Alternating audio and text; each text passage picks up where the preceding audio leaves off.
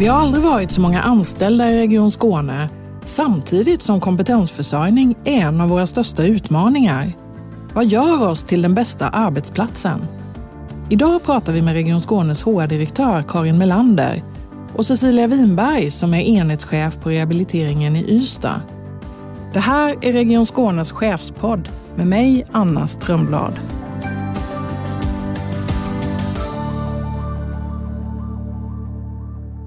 Välkomna hit, Cecilia Winberg och Karin Melander. Tack så mycket. Tack så mycket. Ni är ju båda chefer eh, och har lång erfarenhet från hälso och sjukvården. Jag började jobba i Region Skåne för jag tyckte det verkade vara ett roligt jobb i en drivande och eh, stor organisation. Och jag tänkte att vi skulle börja med att prata om varför man ska vilja jobba just här. Så den självklara frågan blir ju då, varför jobbar just du här? Vad säger du Karin? Jag kom till Skåne för eh, drygt sju år sedan nu och ehm, har varit chef länge. Började på förra, förra seklet eh, med mitt chefskap. Ja, men jag drivs av eh, att vilja göra skillnad.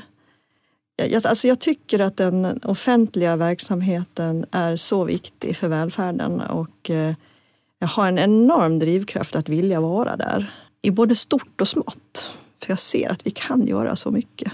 Mm. Och nu, nu har du ju titeln HR-direktör i Region Skåne. Hur är det att vara HR-direktör? Det är jättehäftigt. Det är jättekul. Hur då? få vara med där maktens boning är. Att lära sig det. Att se språket, att lära sig hur, hur jag leder frågorna på ett klokt sätt för att verkligen få ett genomslag i det som jag tror på.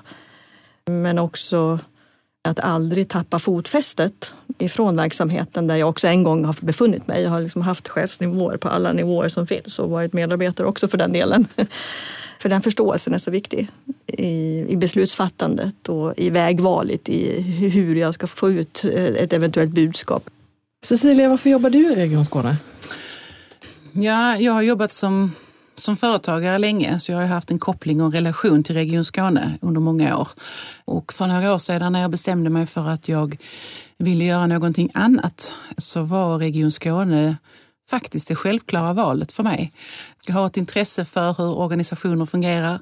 Jag har ett intresse för eh, struktur och processer eh, och kände att eh, från att då ha varit egen där jag i princip styr och kontrollerar det mesta själv så kände jag att jag ville in i ett större sammanhang och då blev Region Skåne det självklara valet för mig.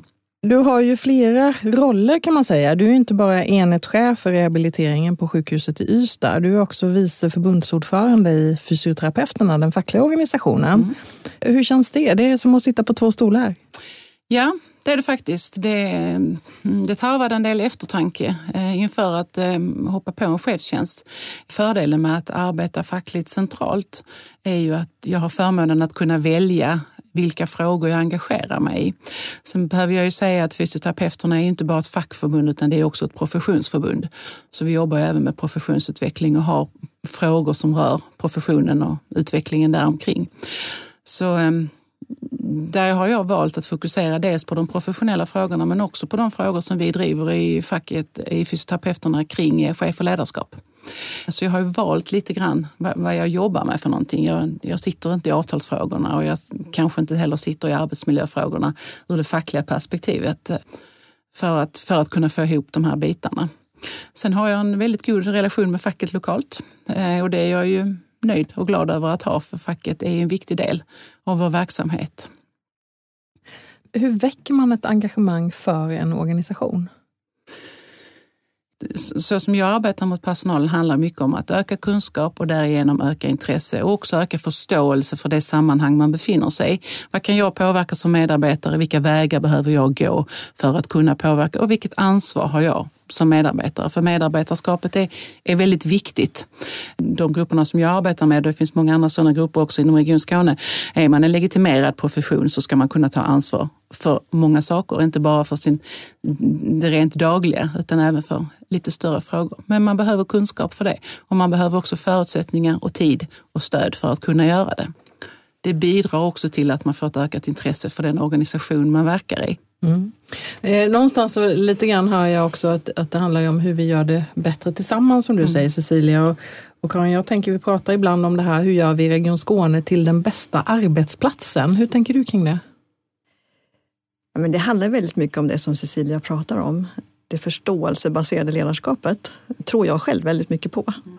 För att um, få de här engagerade, eller våra engagerade medarbetare att förstå sammanhanget till var jag befinner mig i arbetsplatsen, hur arbetsplatsen befinner sig liksom kontra organisationen och både förbättringar och förändringar på så sätt kan drivas så att säga utifrån det. Vi gör ju oss själva till den bästa arbetsplatsen, tänker jag. Hur då, tänker du? Ja, men det tänker jag genom... Eh, det går inte med mm, den bästa marknadsföring i världen, eh, utan det, det är det vi lever, det är det vi gör, det är det vi säger till varandra på arbetsplatsen och till, till medarbetarna och det vi naturligtvis åstadkommer också. Det talas ju mycket om kris i vården, inte minst i media, att vi har en kris. Samtidigt så har vi aldrig varit så många anställda inom hälso och sjukvården. Det går ju inte riktigt ihop de här bilderna. Hur ser ni på det här? De här väldigt divergerande bilderna. Jag eh, har väldigt stor respekt för det och jag, jag tänker också att eh, det mediala trycket som våra medarbetare och vi själva hela tiden också blir utsatta för gör ju att de funderingarna finns hos oss alla säkert. Här handlar det om det här med, med, med förståelsen också. Eh, just det här som du säger Anna, att eh, vi har aldrig varit så många anställda i Region Skåne som vi är just nu. Men ändå så säger vi att vi har aldrig haft så få vårdplatser öppna som vi har nu. Det är ju någonting i systemet som vi tillsammans behöver fundera på hur möter vi patienterna här i framtiden? Hur, hur, hur lyckas vi bibehålla den välfärd som vi liksom upplevelsemässigt har stått för i alla år och som jag har fått växa upp med, som mina föräldrar har stått för och mina barn har fått växa upp i. Hur bidrar jag med det framöver? Jag tror att vi behöver prata om det tillsammans, eh, väldigt mycket förståelse för att om, om än så alla gymnasieungdomar som går i skolan idag skulle välja välfärden som sitt framtida yrke så skulle det inte räcka till om vi fortsätter att jobba som vi gör idag. Utan vi måste hitta nya, nya vägar, nya arbetssätt. Det kommer inte att bli som förr, det är det du säger? Det kommer inte att bli som förr. Vad säger du Cecilia, känner du igen bilderna som väldigt ja, nej, men spretar? Det, det är klart att jag gör. Och jag, jag tänker att bilden av kris är, det är en bild om jag nu ser mig själv som representant för fysioterapeuterna så tycker jag att vi som andra fackförbund och även ur politiskt perspektiv har, har ett ansvar att, eh, att delge de andra bilderna också och se att det finns väldigt många bra saker som händer i hälso och sjukvården. Eh, jag förstår att nyhetsvärdet kanske inte, kanske inte är så stort där, men eh, det finns väldigt mycket som är bra. Ehm, jag var på en konferens, jag var på IHIs konferens i, i december, en kvalitetskonferens i USA. Och som det goda exemplet på alla presentationer så tar man upp Sverige. Och vi får frågor, den svenska kontinenten, gruppen som var där, får frågor. Men hur gör ni i Sverige? Hur gör ni för att kunna ha så här bra hälso och sjukvård? Vi ser ju hur lite av BNP ni lägger på er hälso och sjukvård. Hur gör ni? Och vi bara, ja, men det är så nyttigt att få se ett annat perspektiv.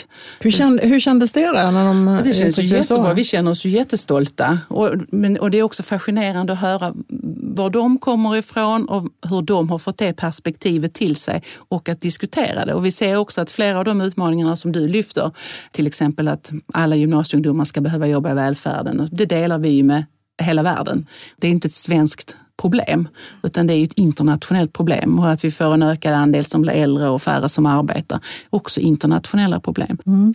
Och om vi inte ska vi bli fler då, för det är det, det ni säger då. Ska vi göra mer eller hur ska vi utveckla, hur ska vi kunna bli hållbara som medarbetare? Jag tror vi behöver arbeta mer tillsammans. Eh, om jag säger att vi ska göra mer så kommer jag bli halshuggen på måndag.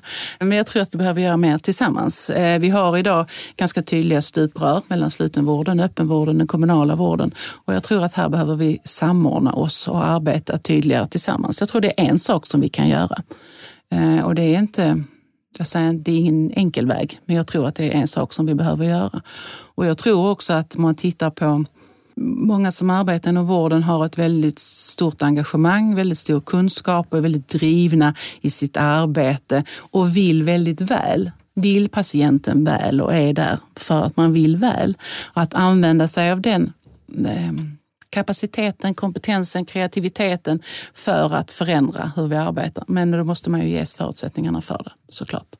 Genom till exempel, då kommer jag tillbaka till kunskapen igen, för att ha en kunskap för systemet vi jobbar i gör också att vi kan eh, vara mer kreativa kring det och se vilka möjligheter och hur vi kan påverka.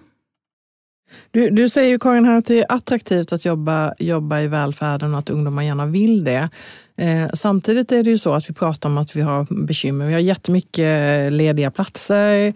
Vi hyr in personal i alldeles för hög utsträckning jämfört med våra mål. Under 2019 så, så la Region Skåne eh, totalt nästan en halv miljard eh, kronor på mm. hyrpersonal. Hälften på sjuksköterskor och hälften på läkare. Eh, trots att vi har lägst andel hyrpersonal i Sverige om vi jämför oss med, eller bland de lägsta. Hur ser ni på det här? Kan vi inte bara betala högre löner? Eh, vad är det? Vi lägger ju ändå så mycket pengar på mm. hyrpersonal. Mm. Ja, om det vore så enkelt. nu vet vi att det är inte det. Det är inte så enkelt. Men absolut, det stämmer ju det du säger. Eh, hy hyroberoendet har faktiskt ökat i Region Skåne 2019 och det är någonting vi, vi behöver jobba med det och fundera över varför ser det ut på det här sättet. Men, men där är ju min drivkraft eh, det att, att, att, att, att jobba, fortsätta jobba med attraktiviteten tillsammans. Eh, och jag tänker i den frågan än mer fokusera på patienternas och anhörigas behov. Alltså att, att verkligen eh, när jag kommer till hälso och sjukvården så träffar jag någon som jag har träffat förut. Att den här kontinuiteten och kvaliteten. Och vi säger att vi har svårt att eh, liksom, eh, att vi kommer att ha svårt att rekrytera eh, medarbetare i framtiden men för den skull så ska vi naturligtvis inte på något sätt ge upp utan snarare tvärtom lägga i en ännu högre växel gentemot universitet och lärosäten. Också kunna möta fast anställd personal som sin handledare. För det är där attraktiviteten väldigt mycket skapas liksom, hos våra nya medarbetare. Att vilja stanna kvar på den plats man kanske har varit elev eller eller haft en VFU-plats eller AT-plats eller ST-plats. Det är ju oerhört viktigt de första dagarna, första veckorna, första månaderna. Så att, eh, mm. Du pratar ju om meningsfullheten här och sammanhang, medarbetarnas förståelse för sammanhanget, Cecilia. Vi, ibland pratar vi om tillit som är ett ord som vi, som vi använder och har, har nästan överallt om det. Vad, mm. vad, vad tänker du om tillit? Varför, skulle, varför är det en framgångsfaktor? Det finns säkert någon forskare som inte håller med mig om detta. Eh, men jag tycker att tillit ligger ganska nära medarbetarskapet. Eh, för medarbetarskap handlar ju mycket om att, eh, om man ser till individen, att ta ansvar för sig själv, för sitt eget mående, för sin arbetssituation utifrån det utrymme man ges. Och där kan jag som chef ge det utrymmet till mina medarbetare eh, så att de själv kan känna sig trygga med att fatta de besluten och ta det ansvaret. Och det är ju tillit som jag ger till dem genom att eh, jag låter dem få det utrymmet eh, kring sina egna, sitt eget medarbetarskap. Samtidigt har vi en verksamhet som bygger till rätt stor del på kontroll. Vi har mycket ja. checklistor, mm. vi har mm. mycket regler och riktlinjer mm. man ska följa och verkligen eh, men, hur, jag, hur, ska vi tänka kring det när ja, det gäller tillit? Eh, jag, jag, tycker checklistor är viktigt, jag tycker rutiner är viktigt, jag tycker PM är viktigt. Men jag ser ju också att genom att jag arbetar fram de här dokumenten tillsammans med personalen, att de är delaktiga i den processen, så kan jag också skapa tillit. Eh, genom att de är medvetna om vad som står i dokumentet, de vet vad det betyder, de vet konsekvenserna. För ibland är det ju så, checklistor är all ära, men ibland så måste man frångå checklistan och det vet personer som jobbar inom hälso och sjukvården att, och har man en erfarenhet så vet man att ibland behöver man göra på ett annat sätt. Och att då känna att man har den tilliten från mig att kunna göra det. Eh, att kunna utgå från checklistan och kanske det är så i nio fall av tio så är det checklistan som gäller, det är rutinerna som gäller, det är så vi arbetar. Men när den patienten kommer in där jag behöver göra något annat, då ska jag känna mig så säker på det och så säker på att jag får lov att göra det ur, ur chefens perspektiv, att jag kan göra det och känna mig trygg med att fatta det beslutet. Det tycker jag är en del av tilliten. För vi pratar ju här om att förändra arbetssätt och då kanske det handlar just om det där att förflytta sig och, och, och göra på nya sätt. Och vad, kom, vad, krävs av oss för att, att kunna vilja och anamma nya arbetssätt? Alltså jag sitter och tänker på, när jag lyssnar på Cecilia, på det här med mod, modet. för tillit krävs för att våga ta steget över till någonting, äh, att göra någonting annorlunda imorgon mot vad jag är idag. Men också liksom, jag tänker på organisationen som helhet, acceptera att, att, att det måste också få ta tid. Att det, det finns liksom ingen genväg i förändringsarbetet. Det måste få kosta i tid. Eh, och vi måste lita på våra medarbetare där och eh, ha modet att vänta in. Och vissa är snabba ur sin förändringskurva och andra behöver tid. Och där, där är ju alltså både medarbetarskapet men kanske framförallt ledarskapet i det, i det perspektivet eh, jätte, jätteviktigt. Mm, vi, vi vill, och många vill förändring men vi har ganska svårt att förändra oss. Varför, varför är det så? Vad skulle vi kunna bidra med när det gäller det? Från, från min horisont handlar det liksom om att Alltså det är ju alltifrån att skapa utrymme, förutsättningar, eh, utbildningsinsatser, mod hos ledare och chefer för min egen del tänker jag finnas, finnas nära, finna, för, lyssna, eh, fin, fin, finnas i närheten och skapa förståelsen och, och, och, och lyssna in eh, eventuella fallgropar eller är det någonting vi inte har tänkt på? Är det, hela organisationen behöver finnas med liksom i, i, i den här resan. Och jag tänker det här som Cecilia pratade om, det här är ju inte bara ett svenskt bekymmer, det är internationellt. Så det är klart att på, på, nationell nivå är vi ju på i frågan också. Så, det, Sveriges kommuner och, och, regioner och omställningsfonder som skapas och så. För det, det är en omställning som krävs i välfärden i, i sin helhet. Vi, vi har i ett eh, tidigare avsnitt här pratat om det här med att, att vårt uppdrag som egentligen hakar i detta, att, att eh, utifrån, utifrån hälso och sjukvården, att bota, lindra och trösta och att vi kanske borde lägga till även främja. Eh, det här med att eh, utveckla yrkesroller eh, som ni ju har varit inne på. Hur, hur skulle vi kunna ställa om våra, i vissa fall ganska traditionella yrken för att jobba i, i ett mer utvecklande steg? Hur tänker, hur tänker du kring det Cecilia? Du är engagerad i de frågorna. Ju. Mm. En svår fråga. svår fråga att svara på. Jag tror egentligen att de flesta det ligger mycket i ord, tänker jag. Eh, jag tror att de flesta vill utvecklas. Jag tror att de flesta vill bli bättre. Eh, jag tror de flesta vill väl, göra annorlunda. Men jag tror inte att man vill förändras. Så när vi pratar om förändring så blir det, du pratar om att folk, vissa kommer snabbare och vissa tar det lite längre tid och vissa vill inte alls. Eh, förändring är ju svårt för oss oavsett om man jobbar i vården eller om man jobbar någon annanstans. Jag tror det är viktigt med utbildning som du pratar om eh, och på alla nivåer försöka stimulera till utveckling och att eh, också då ge förutsättningar. För att utveckling och kreativitet kräver tid, eh, precis som du är inne på Karin. Och det kräver ju också att vi ibland behöver fokusera på någonting annat. Ni vet själva när man, eh, om man är ute och tränar eller om man står i duschen, då kommer idéerna, då kommer lösningarna på de där problemen som man har gått och tänkt på. Och kan vi få in sådana möjligheter. Nu säger inte jag att folk ska lämna arbetet, för det är inte det jag säger. Men att, att ändå någon gång kunna få skifta fokus och kanske få skifta, skifta fokus tillsammans. Så tänker jag att det kan leda till en, en, en ökad kreativitet. Och då är det väldigt viktigt att vi som chefer är där och lyssnar. Och att vi tar det till oss och att vi eh, faktiskt säger ja ibland. Eh, jag lyssnade på en föreläsning i fredags och då hade hon, sa hon det att jag säger alltid ja till de små idéerna. För om jag säger nej till de små idéerna då kommer aldrig de stora idéerna. Och det tyckte jag var en väldigt bra sak. Så ibland måste vi säga ja till idéerna som kommer.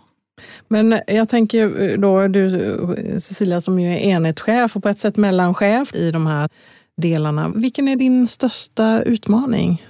Och vad, vad krävs för dig för att kunna lösa det? Vad behöver du för stöd?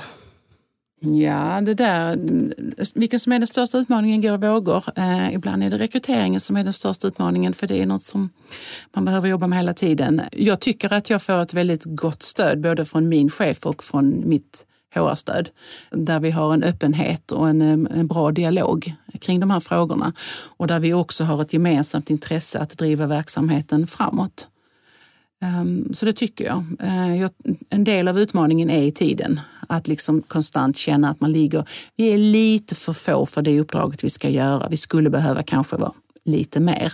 Ehm, att faktiskt och sen är jag också chef för en grupp som, som vill väldigt väl och som, som väldigt gärna tackar ja till att göra väldigt mycket. Och det behöver man också förhålla sig till. Ibland behöver man säga nej.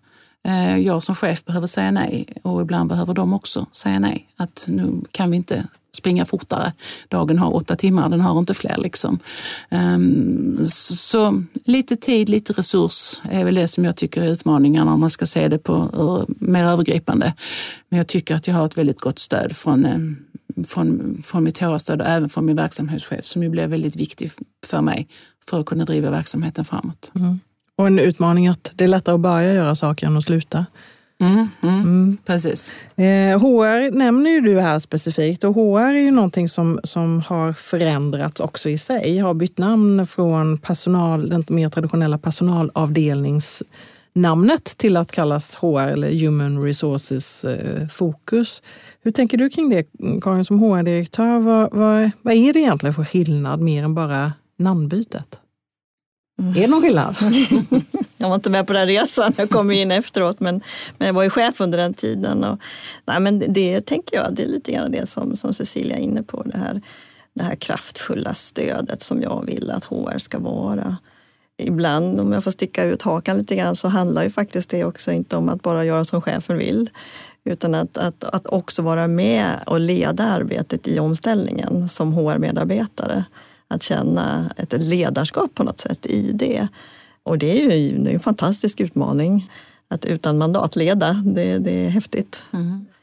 Jag vill att vi ska ha öronen ute och lyssna hur, hur, hur behovet ser ut och bygga liksom förutsättningar och eh, strategier där det behövs. Och, och det, är, det är ju det här med stöd. stöd. Ibland kommer ju frågorna upp kring de här lite mer praktiska frågorna. Alltifrån stödet, rekrytering som, som du nämnde Cecilia, eller eller som i Region Skåne där vi har HR-fönster som en del tycker är besvärligt. Hur, eh, hur ser du på det? Ja, HR-fönstret, den har jag sagt att den vill jag och det har jag lämnat uppdrag till. Vi måste öka takten i utvecklingen. HR-fönster är ett fönster som består av väldigt många olika system. HR-fönstret är ett fönster av system som ska eh, liksom stötta alla de lagar, förordningar, kollektivavtal, allt vi har i Sverige. I Sverige finns det två olika HR-system kan man säga som har med lön att göra, att, att, att välja på. Och vi har ett av dem i, i Skåne. Och eh, den ska liksom kunna på ett klokt och bra sätt eh, ta hand om alla våra 36 000 medarbetares information så att vi får rätt lön varje månad. Och det tycker jag det gör vi, men alltså den, den, eh, som sagt, jag har lämnat uppdrag. Vi måste öka takten i utvecklingen. Den måste bli mer eh, eh användarvänlig för oss eh, som chefer och, eh, och för våra medarbetare. Den får inte sno tid från patientarbetet. Det är det, det, är det som är min drivkraft. Så att där är vi på. Och, eh, en av de saker som jag hör som cheferna har behov och eh, liksom, behov av att liksom få utvecklat stöd i det. Liksom hur, hur använder jag mina medarbetares resurser på bästa sätt? Så där är vi, det är väl det, där jag har mitt fokus just nu, att hitta ett typ personal och bemanningssystem som, som kan stötta och hjälpa. Att man inte behöver sitta med penna och papper, inte med Excel-filer, e-, egna uppfunna sådana. Kanske till och med har jag köpt in ett system utan att eh, fråga någon om lov så att säga. Vi kan inte ha det så utan vi måste mer tillsammans hitta ett, ett, ett, ett, hjälpmedel och stötta i det här. Bättre stöd för framtiden kan, helt enkelt. Bättre stöd mm. i framtiden. Så upp med telefonen, vilken du nu än har. iPhonen eller vad, Samsung eller vad du har. Men där ska du kunna se hur ditt schema ser ut när du liksom har käkat lunch eller vaknat på morgonen. Ja. Det måste finnas med i planen. Ja, och i uppdraget.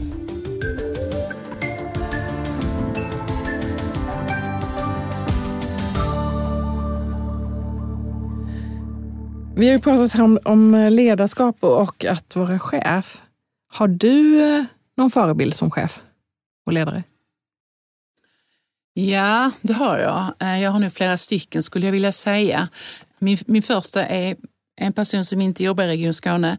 Eh, för ett antal år sedan så ordnade vi ett väldigt stort läger, ett scoutläger i Skåne. Där vi hade 30 000 ungdomar från hela världen som kom hit och då var jag med och arrangerade det lägret. Och den personen där som jag hade som min överordnad, om jag säger så, han hade en väldigt eh, cool inställning till sitt ledarskap. Så lite grann, eh, det handlade också mycket om att, eh, att släppa kontroll, för det var det han gjorde till oss och att också inse när är det din fråga, när är det min fråga och vems fråga är det? Att liksom att reda i detta, där var han väldigt tydlig med det.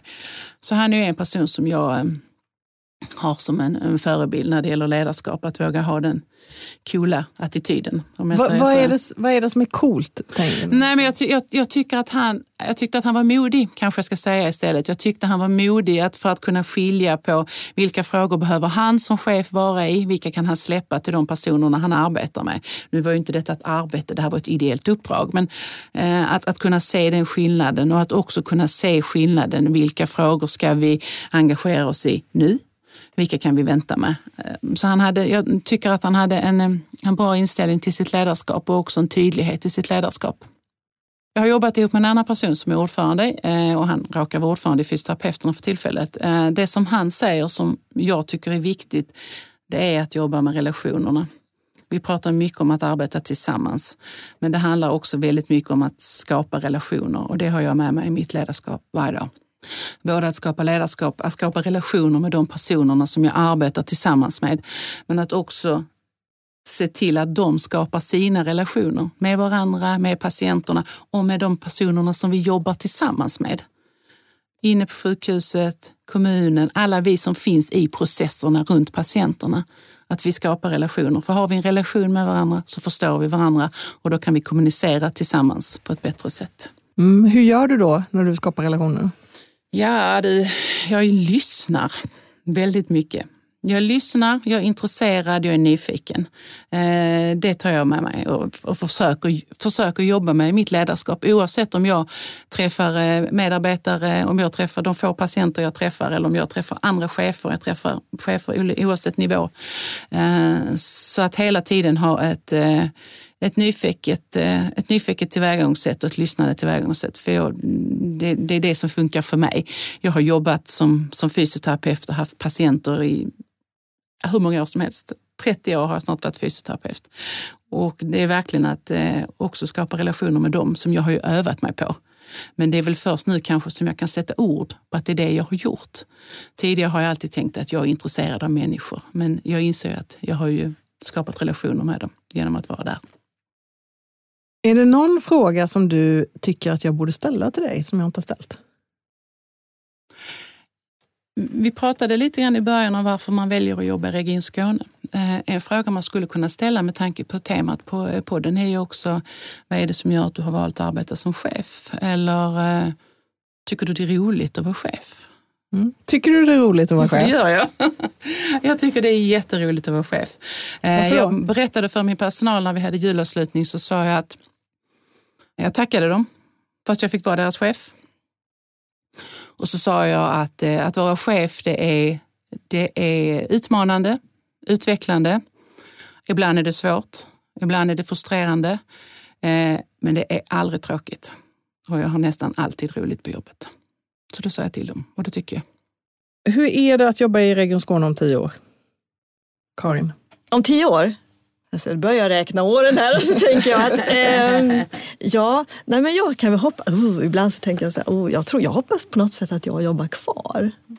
Kanske inte, jag är kanske inte HR-direktör, men eh, och varför säger jag så då? Nej, men att vi är en sån attraktiv arbetsgivare, bidrar med attraktiva och det låter kanske floskligt med attraktiva, men en arbetsplats som man vill vara på och jobba och bidra på något sätt. Liksom i välfärden. Mm. Du vill vara kvar i alla fall? Ja, ja. ja, ja. jag vill att våra 36 000 medarbetare ska vara kvar. Det vill jag. Och att vi har fått, tills dess har vi ju bytt många, om tio år, vi har ju bytt väldigt många medarbetare också då.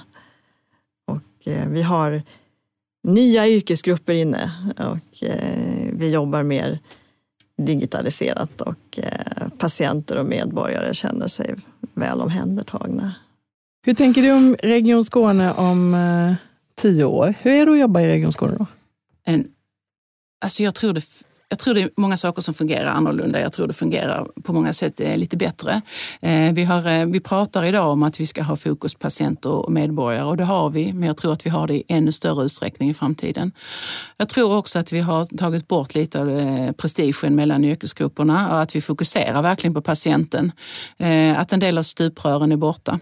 Att vi har ett samarbete mellan de olika vårdgivare och professioner som finns på olika ställen i olika organisationer, men att vi, att vi samarbetar bättre med fokus på patienten. Det tror jag. Jag tror också att vi har fått bättre förutsättningar för att kunna jobba med att kunna jobba kreativt med våra grupper eh, och att vi lyssnar på de personer som finns i våra organisationer på ett eh, tydligare och på ett eh, trovärdigare sätt. Är du kvar i Region Skåne om tio år, Cecilia? Ja, det kan man väl eh, hoppas på att vara, tänker jag. Är du fortfarande chef? Ja, det hoppas jag verkligen att jag är. Mm. Du fick nästan lite tårar i ögonen när du pratade om eh, ja. dina medarbetare. Ja, jag får det. Jag tycker de är bra. Mm. Det är en rolig grupp att jobba med. De är Nej, vi pratar inte mer om det. Stort tack för att ni kom hit och ville vara med i podden, Cecilia och Karin. Tack så hemskt mycket. Tack så mycket.